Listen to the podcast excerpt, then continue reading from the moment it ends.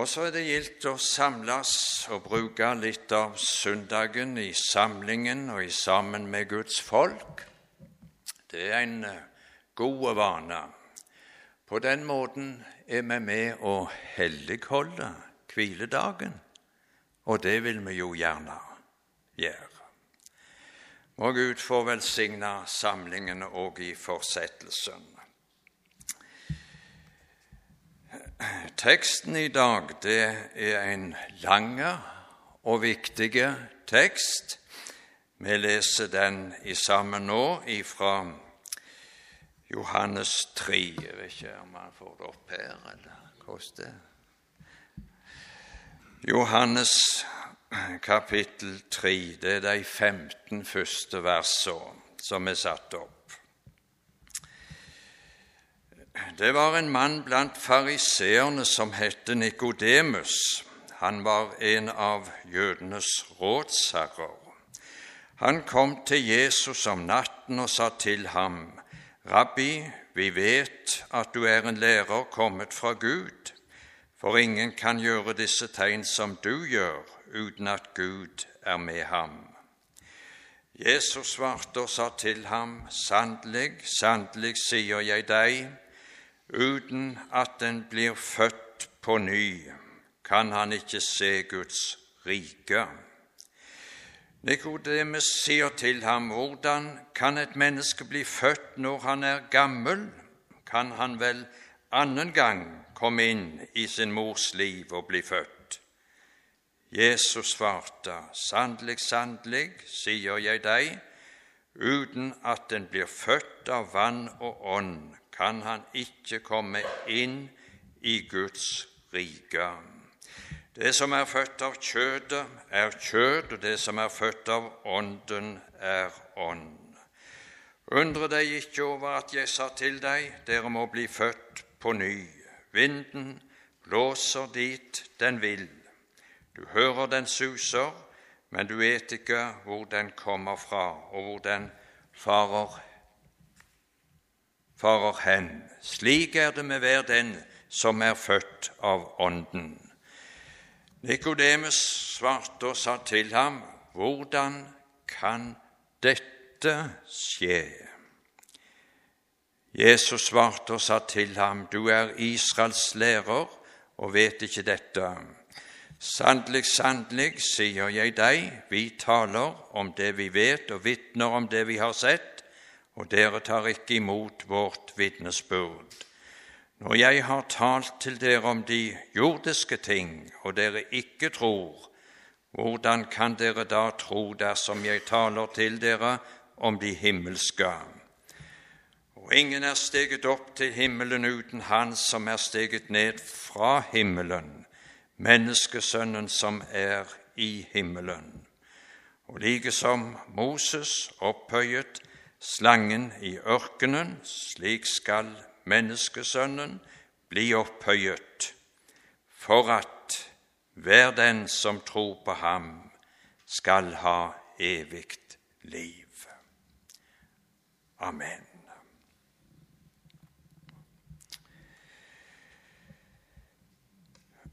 Det er gjenfødelsen, eller den nye fødsel, som er det store og viktige tema i denne teksten.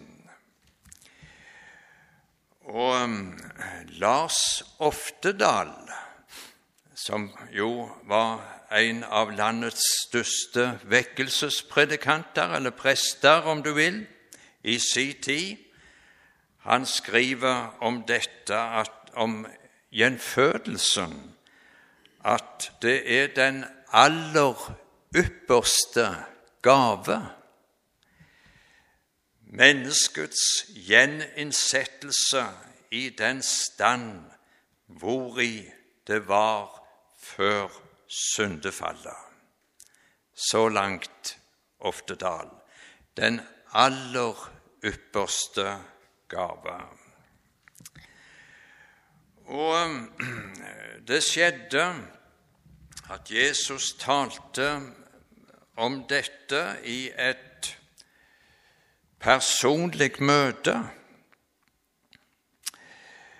Eh, Nikodemus hadde nådd høyt opp i det jordiske samfunn.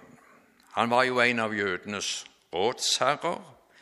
Det vil si at han tilhørte synedriet, eller Det høye råd, som var et slags storting og regjering i Israel på det indre plan.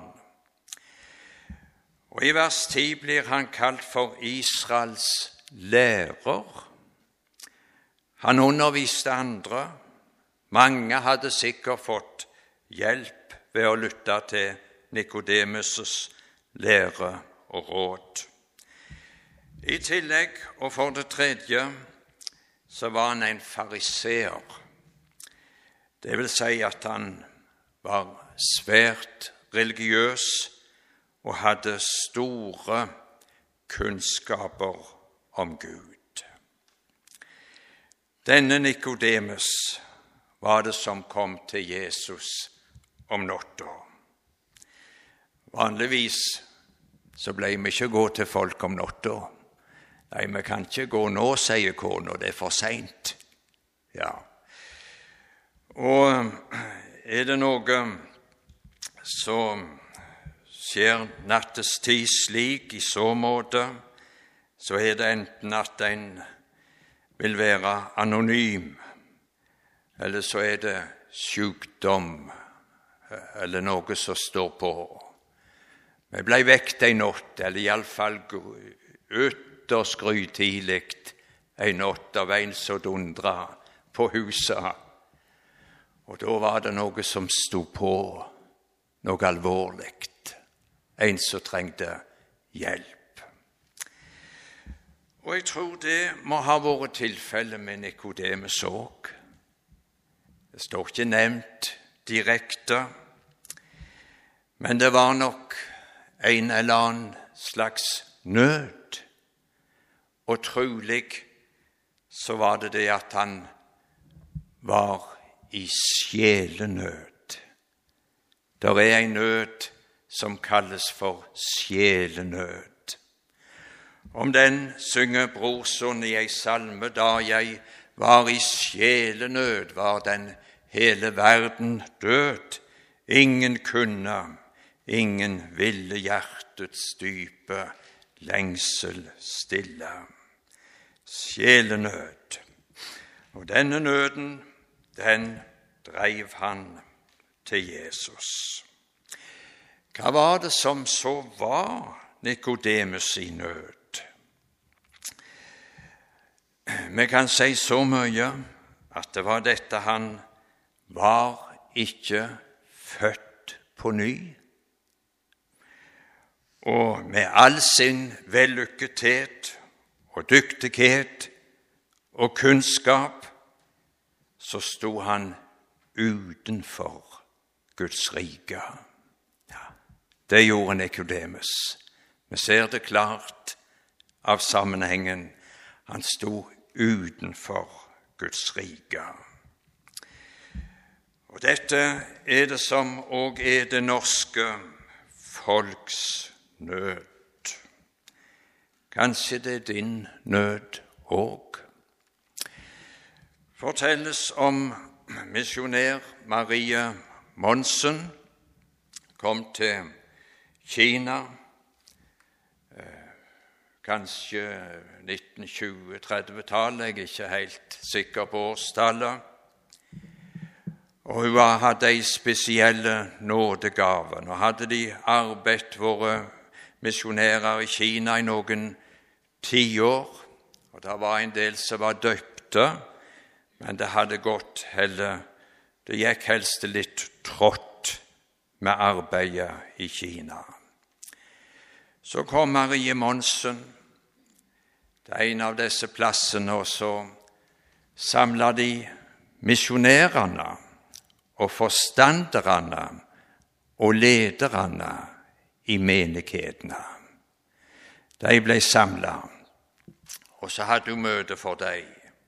Hva snakket hun om?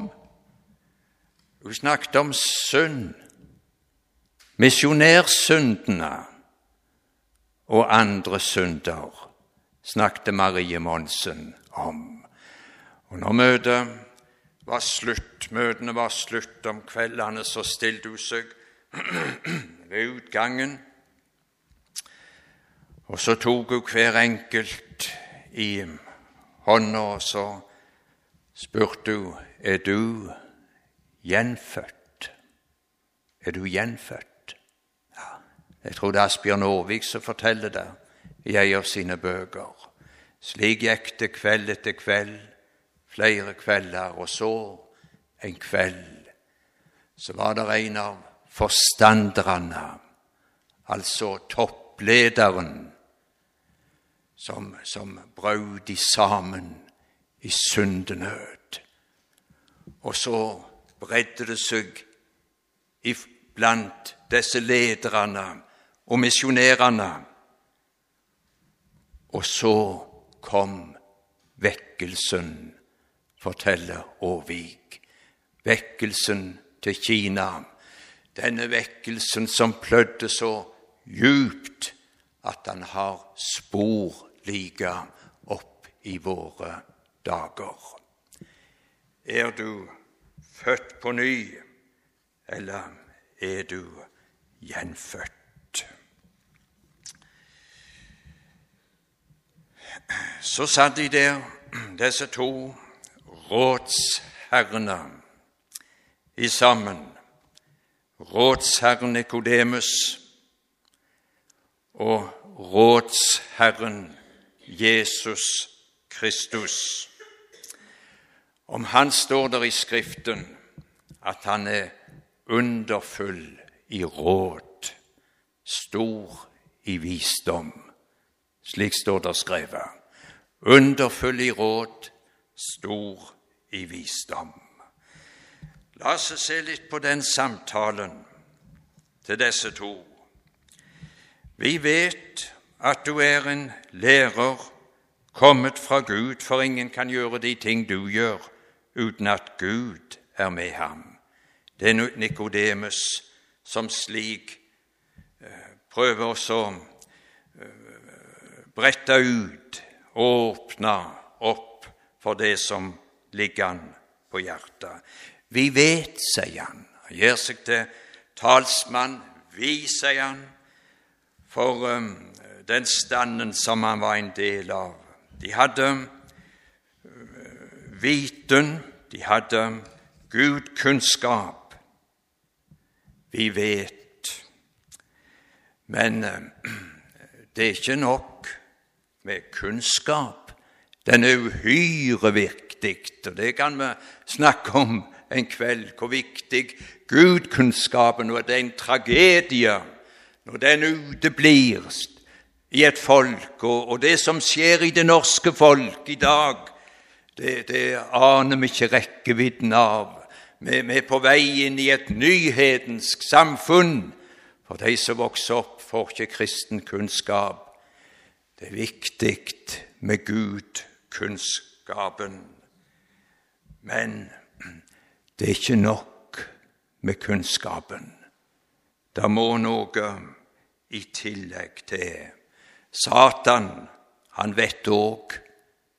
Står det noe om i Skriften, og han skjelver. Ja. Og um, Jesus, han skjærer gjennom, og han går rett på sak. Og så taler han om det å bli født på ny. Uten at en blir født på ny, kan han ikke se Guds rike. Det er vers 3. Åndelig blindhet. Se Guds rike. der er noe som er skjult for det naturlige mennesket. Og hvis Jesus ikke får åpne øynene, gripe inn, så forblir det skjult. Slik er det. For han ikke synet deg gjeve, Guds rike du ikke kan sjå. Eh, det er vel Bjerkreim, er ikke det? Hvor han ikke syner deg gjeve, Guds rike du ikke kan sjå. Videre sier Jesus, uten at en blir født av vann og ånd, kan han ikke komme inn i Guds rike. Altså, den første setningen, den taler om å se Guds rike. Og så går han enda lenger, og så taler han om å komme inn i Guds rike. Dette syns jeg er veldig sterkt og alvorlig. Her, her taler Jesus om inngangsporten i Guds rike. Ja, vi står utenfor av naturen, så mange vi ser der ved porten, hvor få er dog de som går inn, heter det i den alvorlige vekkelsessangen som snart ikke synges lenger i forsamlingene.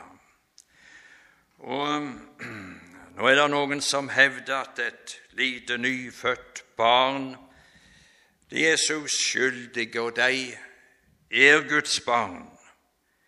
Men dette kan jo ikke stemme ut ifra det som Jesus sier her. Vi blir ikke Guds barn ved den naturlige, menneskelige fødsel, men ved den nye fødsel. Og, og Guds rike det er ikke noe som en oppdras til eller vokser inn i. Nei, i Guds rike, der fødes man inn. Det, det, det taler Jesus om. Skaden, virkningen av fallet, det er så stort at vi står utenfor. Det som er født av kjødet, det er kjød, sier Jesus, og det forblir kjød. Det, det går ikke an å forbedres. Nei, det må fødes noe nytt. Slik lærer vår Bibel. Jeg gjør så godt jeg kan, sa ishavsskipperen til meg. Jeg haika på ei ishavsskute eller en gang jeg var på et fiskevær oppe i Nord-Norge.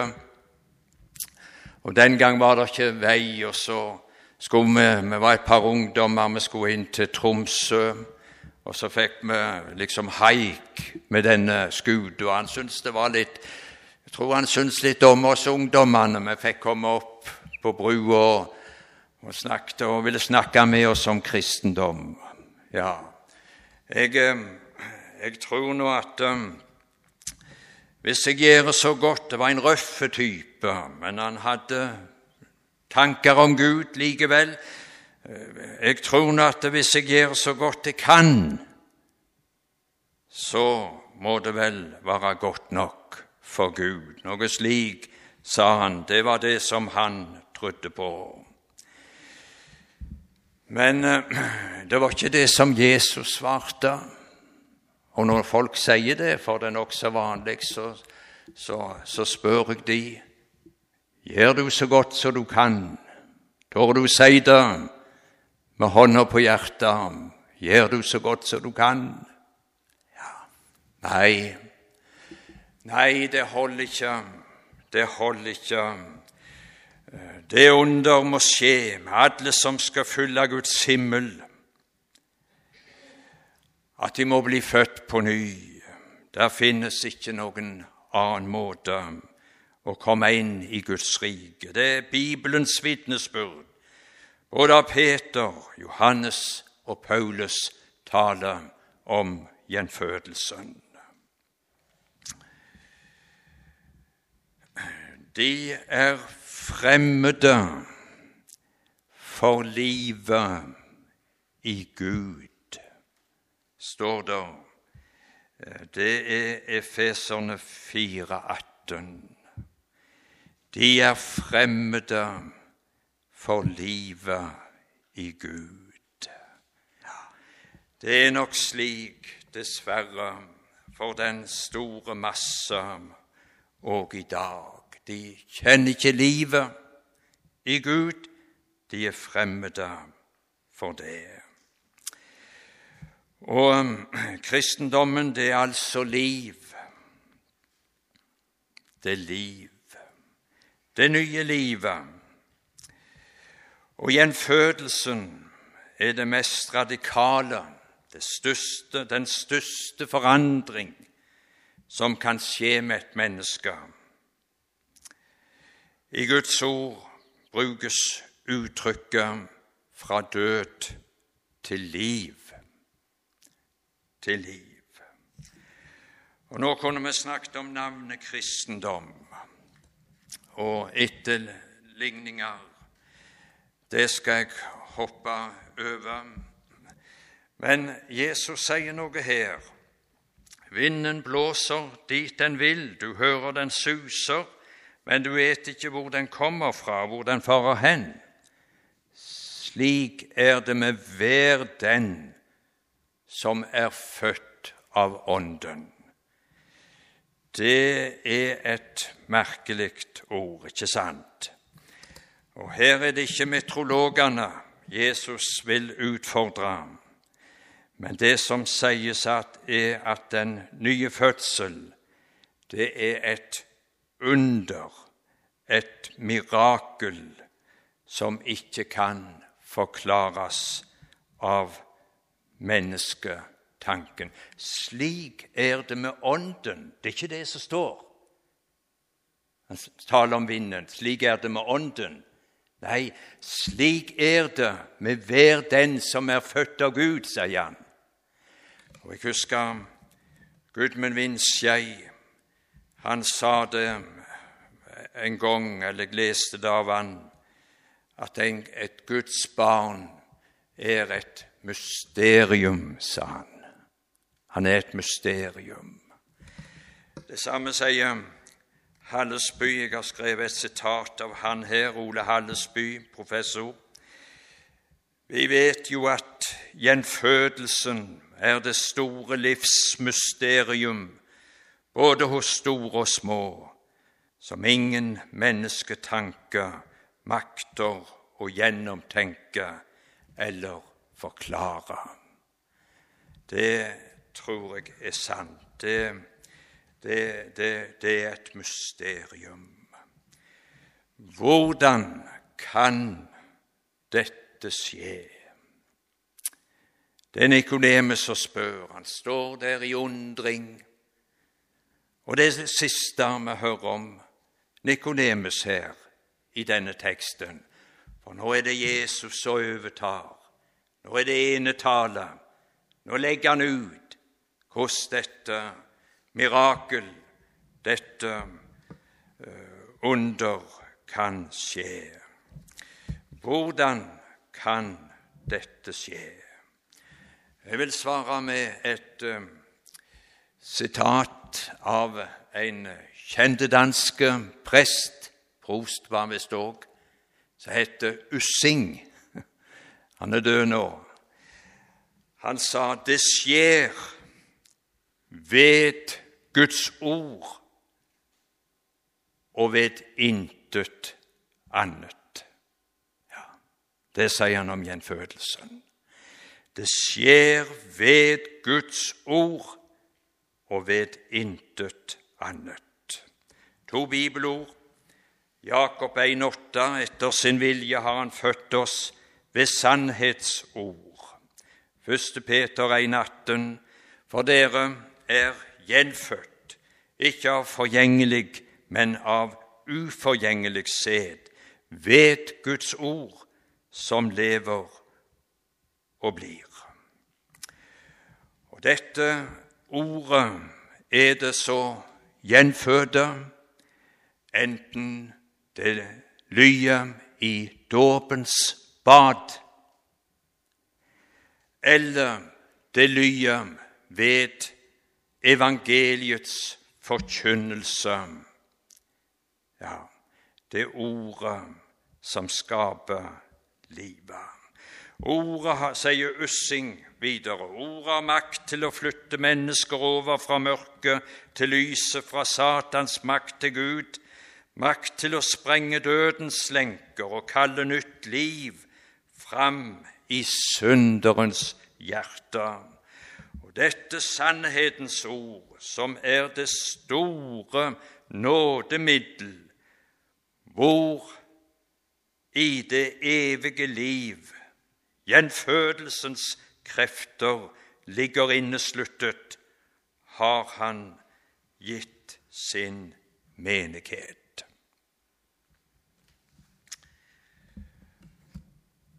Ordet om Jesus, ordet om korset. O lammets blod, det dyrebare blod, som ga meg liv da jeg ved korset sto.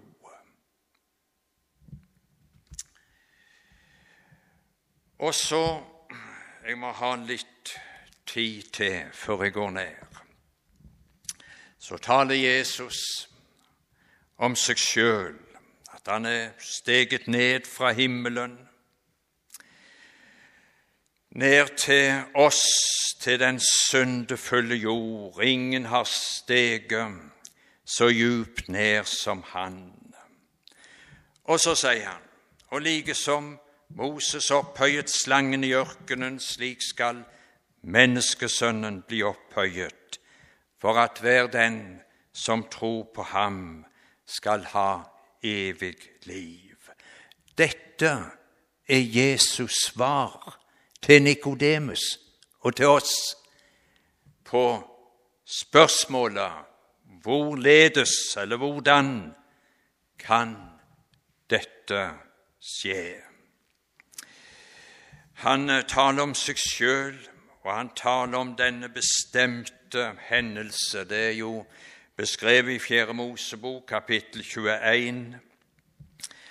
Der er tale om serafslangene som kom inn og beit folk, og det er mange som døde, og den store nød som ble i Israels leir. Sorg, nød, fortvilelse, vel òg redsel.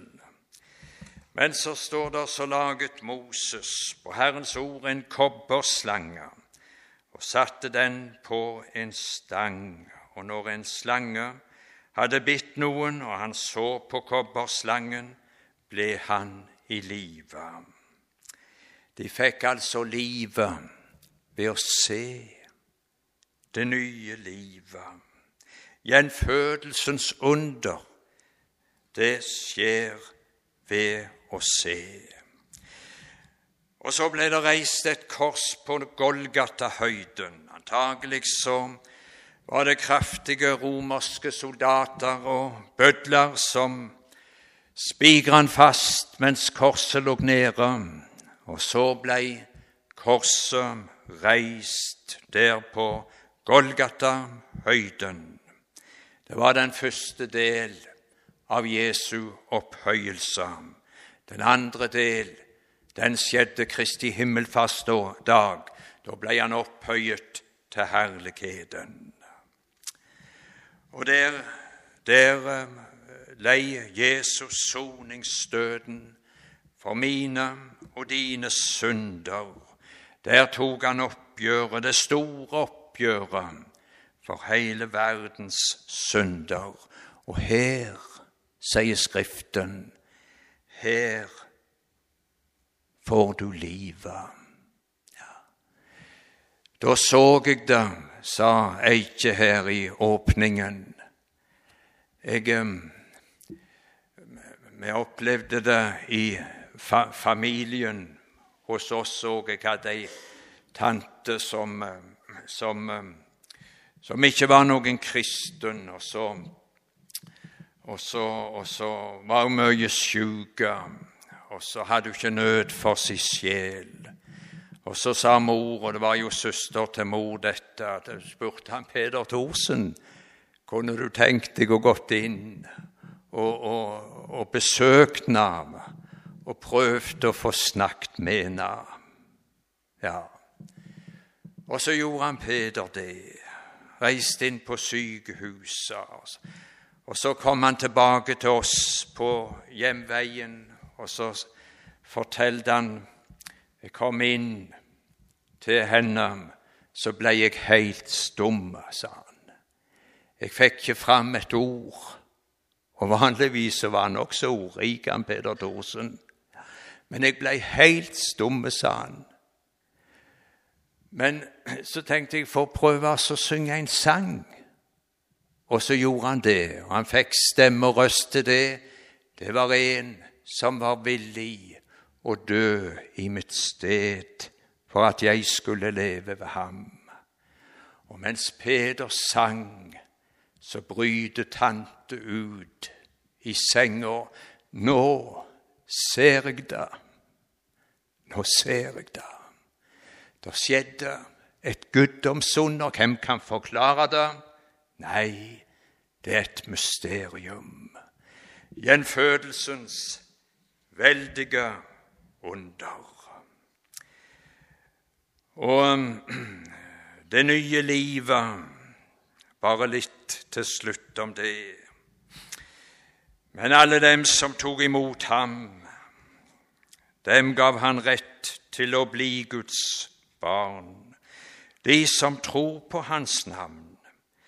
De er ikke født av blod, heller ikke av kjøtts vilje, heller ikke av manns vilje, men av Gud. Det nye livet, det er et forunderlig liv. Det er livet med stor L.